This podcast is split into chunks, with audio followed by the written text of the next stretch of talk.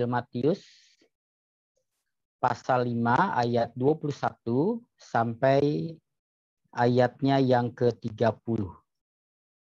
Ya, kita pada bulan ini masih terus melanjutkan uh, pembahasan dari khotbah di bukit ya Bapak Ibu ya. Injil Matius pasal 5 ayat 21 sampai 30. Bapak Ibu Saudara-saudara bisa memperhatikan melalui Alkitab masing-masing. Saya akan membaca untuk kita semua. Kamu telah mendengar yang difirmankan kepada nenek moyang kita, jangan membunuh. Siapa yang membunuh harus dihukum. Tetapi aku berkata kepadamu, setiap orang yang marah terhadap saudaranya harus dihukum. Siapa yang berkata kepada saudaranya kafir harus dihadapkan ke mahkamah agama dan siapa yang berkata jahil harus diserahkan ke dalam neraka yang menyala-nyala. Sebab itu jika engkau mempersembahkan persembahanmu di atas mesbah dan engkau teringat akan sesuatu yang ada dalam hati saudaramu terhadap engkau, tinggalkanlah persembahanmu di depan mesbah itu dan pergilah berdamai dahulu dengan saudaramu lalu kembali untuk mempersembahkan persembahanmu itu. Segeralah berdamai dengan lawanmu selama engkau bersama-sama dengan dia di tengah jalan, supaya lawanmu itu jangan menyerahkan engkau kepada hakim, dan hakim itu menyerahkan engkau kepada pembantunya, dan engkau dilemparkan ke dalam penjara.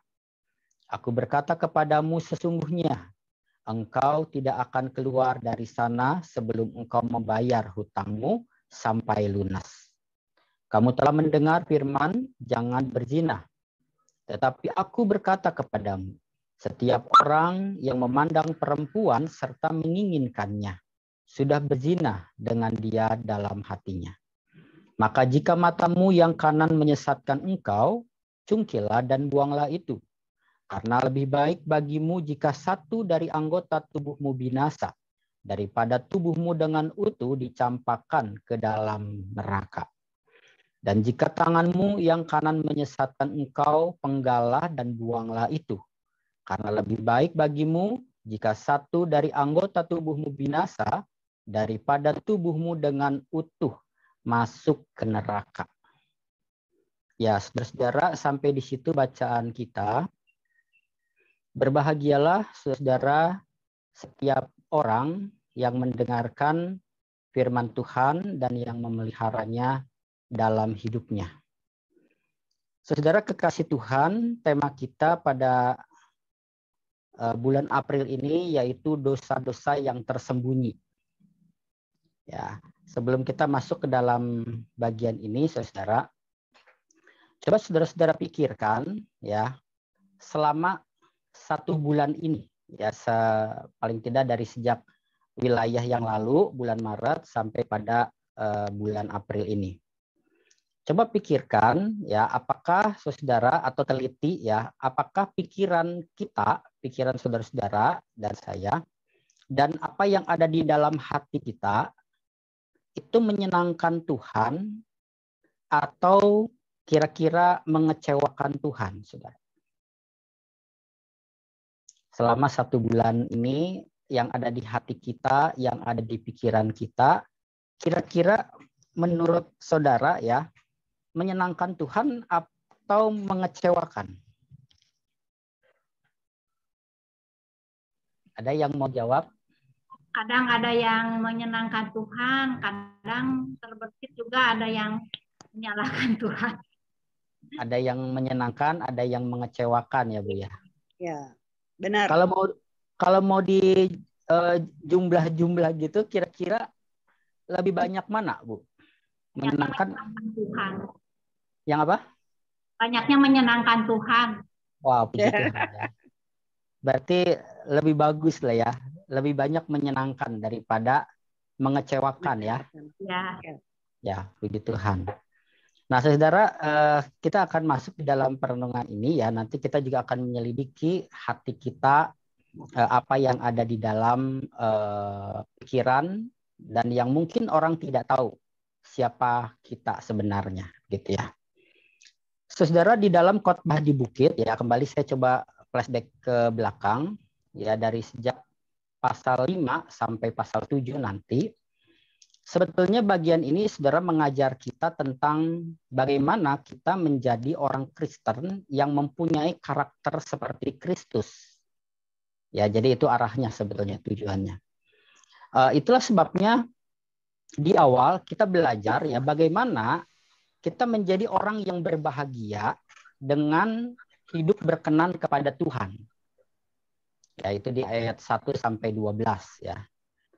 Dan kemudian setelah kita diajar untuk menjadi orang yang berbahagia dengan berkenan, hidup berkenan kepada Tuhan, Tuhan Yesus kemudian menekankan bahwa kita sebagai orang yang menyenangkan hati Tuhan, kita juga harus membawa pengaruh ya di dalam hidup kita kepada dunia.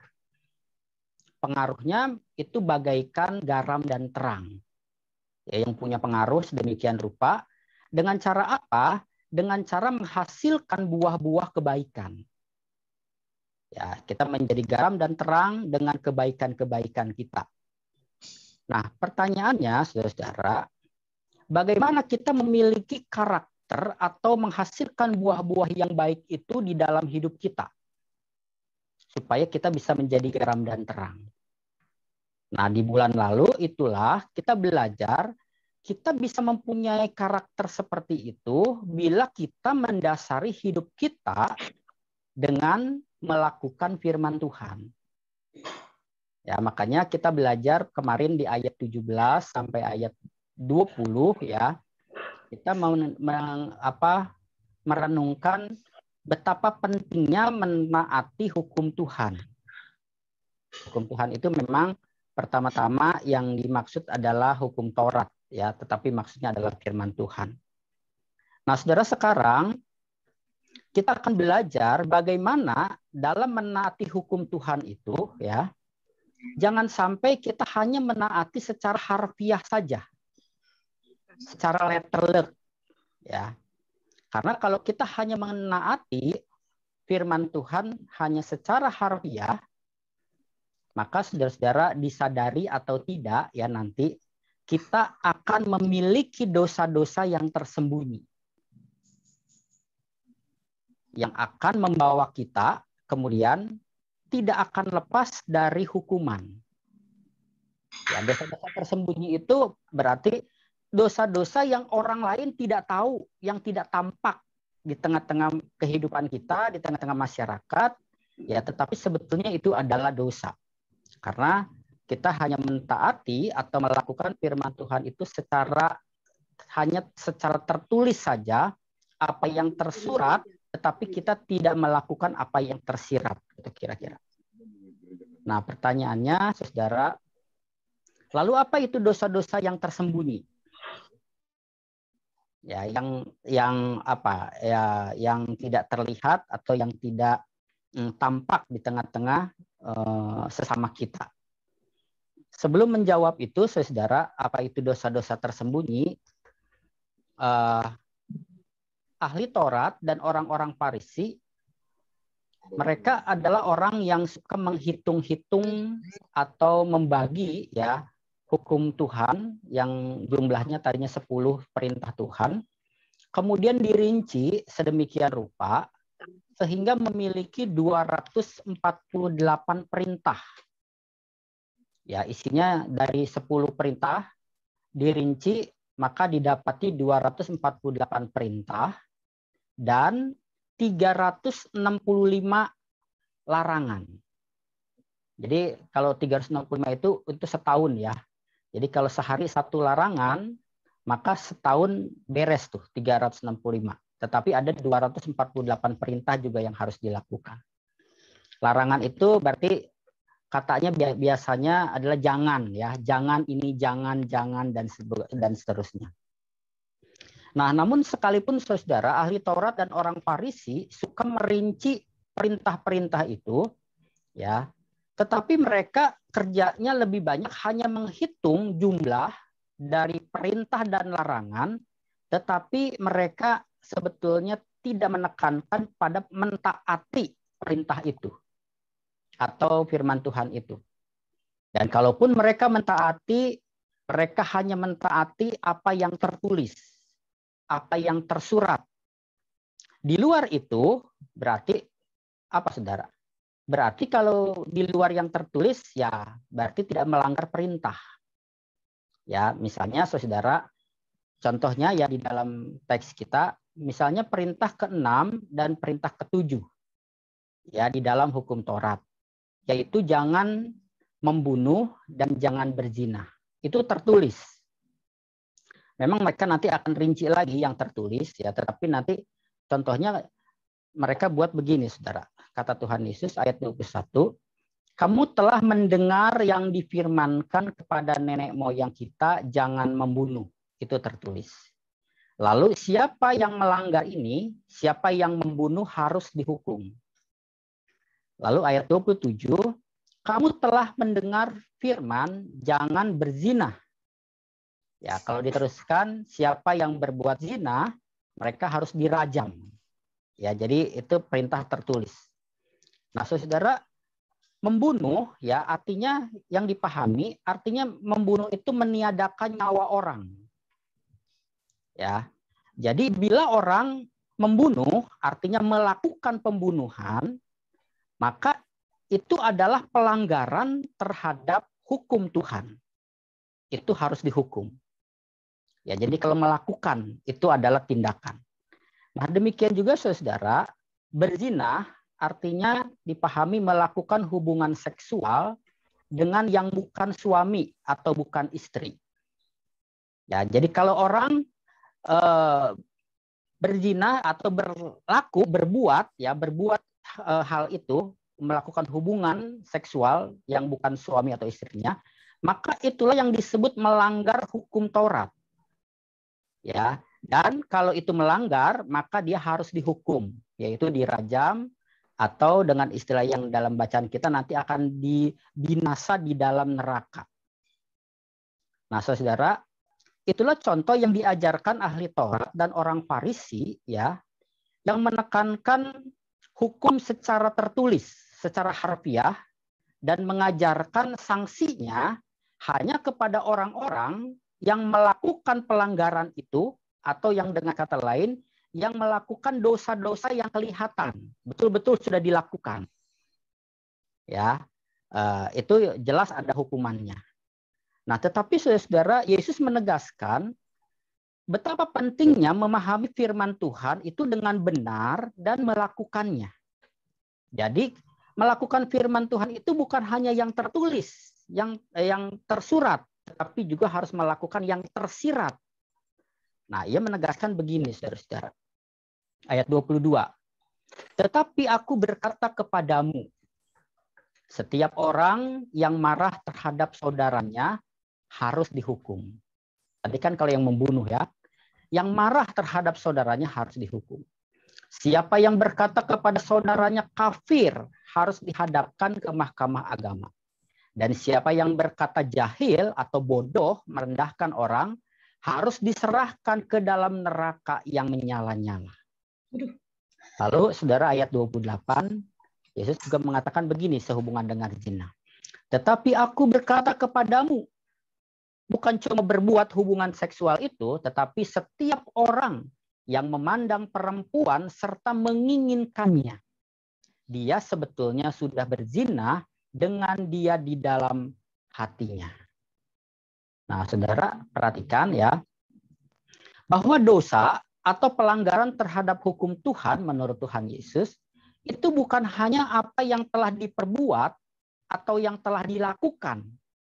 Memang kalau udah diperbuat dilakukan jelas itu dosa. Tetapi dosa atau pelanggaran terhadap hukum Tuhan ini bahkan sudah terjadi, saudara, di mana ketika masih di dalam hati. Ya, memandang perempuan dan menginginkannya di dalam hati, itu sudah berdosa. Bahkan itu sudah ada di dalam pikiran dan ketika baru dikatakan ya perkataan-perkataan yang merendahkan orang sekalipun dia tidak memukul atau dan sebagainya itu adalah dosa. Menurut itu pelanggaran terhadap hukum Tuhan. Itu memang tampaknya bukan dosa atau tampaknya belum berdosa apa sih saudara kalau pikiran kita pikiran kita mungkin nggak melukai orang karena masih ada dalam pikiran. Ya, tampaknya itu tidak berbahaya. Tetapi kata Tuhan Yesus sesungguhnya itulah dosa-dosa yang tersembunyi. Dosa-dosa yang tidak nampak. Dosa-dosa yang belum dilakukan, belum diperbuat. Tetapi masih tersimpan di dalam hati, di dalam pikiran, atau mungkin yang paling-paling baru diomongin begitu. Itu sudah berdosa. Saudara, indikasi Tuhan, marah yang tidak pada tempatnya yang dimaksud ya kalau orang marah menuduh kafir dan merendahkan orang. Kata dengan kata lain Yesus bilang itu sama dengan membunuh. Ya jadi bukan cuma tindakan menghilangkan nyawa yang disebut membunuh tetapi bahkan marah yang pada tempatnya merendahkan orang itu sama dengan membunuh. Memandang lawan jenis dengan nafsu ya bahkan itu artinya sudah berzina itulah dosa-dosa yang tersembunyi yang kata Yesus pasti akan mendatangkan hukumannya. Tidak akan luput dari hukuman. Ayat 25 yang terakhir Yesus bilang begini dan engkau akan dilemparkan ke dalam penjara. Ayat 26, aku berkata kepadamu sesungguhnya engkau tidak akan keluar dari sana sebelum engkau membayar hutangmu sampai lunas. Ayat 29 dan ayat 30 bagian terakhir. Tubuhmu dengan utuh dicampakkan ke dalam neraka. Ya, itu adalah akibat dari dosa-dosa yang tersembunyi sebetulnya. Pertanyaannya, saudara, Bagaimana jika kita memiliki dosa-dosa yang tersembunyi? Supaya kita jangan jatuh atau jangan kena hukuman. Maka saudara, Tuhan Yesus bukan hanya menyatakan itu dosa tersembunyi dan tidak akan lepas dari hukuman, tetapi Tuhan Yesus juga mengajarkan bagaimana kita bisa lepas dari itu. Nah, kalau kita perhatikan ayat 23 dan 24, Saudara, maka kalau kita menyadari ada dosa-dosa tersembunyi itu, yang pertama, mestinya dosa-dosa itu diselesaikan, ya, kita bereskan agar yang pertama ibadah kita kepada Tuhan itu tidak menjadi sia-sia. Karena kalau dosa itu tetap ter, uh, ada gitu ya dibiarkan, maka sebetulnya ibadah kita menjadi percuma, menjadi sia-sia. Ayat 23 bilang begini, Saudara. Sebab itu jika engkau mempersembahkan persembahanmu di atas mesbah dan engkau teringat akan sesuatu yang ada dalam hati saudaramu terhadap engkau, tinggalkanlah persembahanmu di depan mesbah itu dan pergilah berdamai dahulu dengan saudaramu. Lalu kembali untuk mempersembahkan persembahan itu. Ya, kitab Nabi Yesaya mengatakan yang menjadi penghalang antara Tuhan dengan kita ya itu bukan karena tangan Tuhan kurang panjang untuk menolong kita, tetapi karena dosa-dosa kita yang menghalangi kita. Jadi ibadah kita akan percuma bila dosa-dosa itu terus dijaga dan terpelihara. Gitu. Lalu yang kedua, saudara, supaya kita bisa eh, lepas dari ini, maka di ayat 25 dikatakan kita harus menyelesaikan ya hal itu selama masih dalam perjalanan. Ya ini ibaratnya kita ini dalam perjalanan. Perjalanan ke mana? Sebetulnya selama kita masih hidup. Karena kalau tidak kita selesaikan, nanti kita akan terlambat.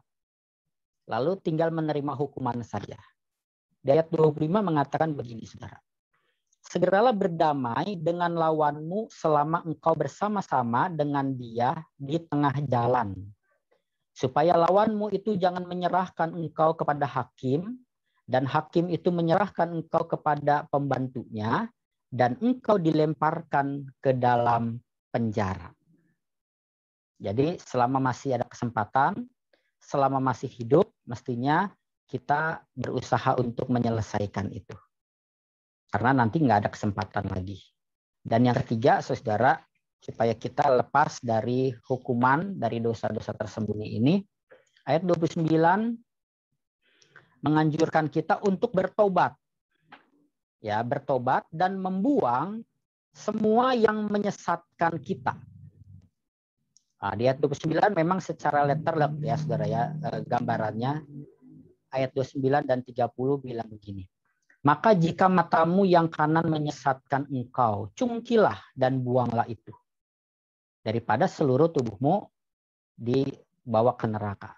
Ayat 30, jika tanganmu yang kanan menyesatkan engkau, penggalah dan buanglah itu. Saudara, ada yang menerapkan teks ini secara harfiah. Ya, ada hukum misalnya mata ganti mata, gigi ganti gigi, lalu ada yang mencuri, tangannya betul-betul dibentungin. Saudara. Tapi ini maksudnya bukan begitu. Maksudnya kalau ada sesuatu keinginan, hobi yang menyesatkan engkau, maka mestinya apa? Berhenti, bertobat, stop. Jangan dilanjutkan. Sekalipun itu hobi menyenangkan. Ya, kalau itu menyesatkan, maka lebih baik bertobat dan berhenti untuk tidak melakukannya daripada seluruh hidup kita binasa. Nah, saudara, berdasarkan firman Tuhan ini ya, kita merenungkan begini, saudara. Bila dosa itu hanyalah perbuatan jahat yang melanggar hukum, ya artinya dosa adalah perbuatan-perbuatan yang melanggar hukum atau firman yang tertulis, maka saudara-saudara, kita bisa digolongkan sebagai orang-orang yang baik dan orang-orang yang tidak melanggar hukum. Ya, buktinya kita tidak dipenjara, saudara. Kalau dosa hanya sekedar yang melanggar hukum tertulis. Kita bisa mengatakan bahwa kita memang bukan penjahat. Ya, kita bukan perampok, kita bukan pencuri, kita bukan pembunuh dan kita bukan pezina. Artinya kalau dosa hanya hal perbuatan, maka kita adalah orang-orang yang baik. Kalau kita adalah orang-orang yang baik, ya yang kita katakan bukan pencuri, bukan pembunuh, bukan pezina, maka saudara artinya maka kita tidak membutuhkan pengampunan dosa. Kita tidak membutuhkan juru selamat karena kita orang baik. Kalau dosa hanya sekedar perbuatan. Ya. Tetapi saudara-saudara kekasih Tuhan, firman ini Tuhan Yesus mau mengajarkan dosa itu pelanggaran terhadap hukum Tuhan bukan hanya pelanggaran yang tertulis. Yang tersurat, tetapi bahkan mungkin yang tersirat di dalamnya kita melakukannya. Itu dosa-dosa yang tersembunyi. Karena itu pada bagian ini saudara, marilah kita menyelidiki hati kita. Ya, sekalipun kita tidak berbuat melakukan. Tapi marilah kita selidiki hati kita, adakah saudara dalam hati kita itu ada iri, ada dengki, ada dendam, ada sakit hati.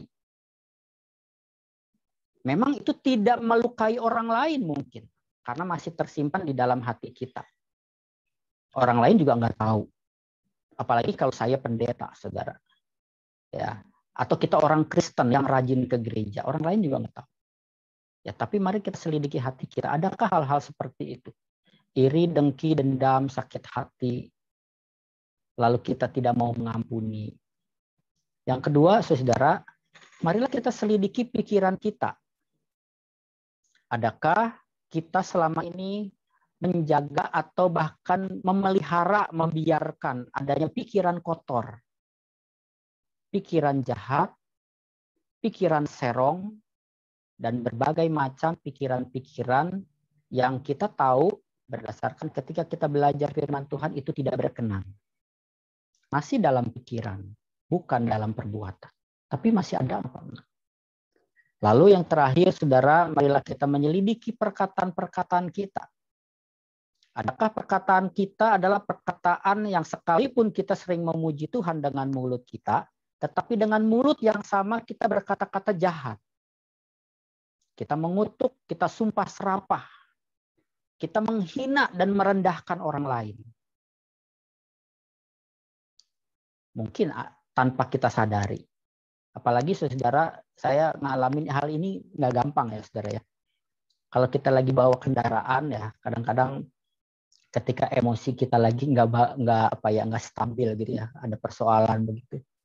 Lalu tiba-tiba ada pengguna eh, mobil, pengguna jalan raya yang wah parkir seenaknya, berhenti seenaknya. Waduh, kadang-kadang secara spontan kata-kata kita kasar.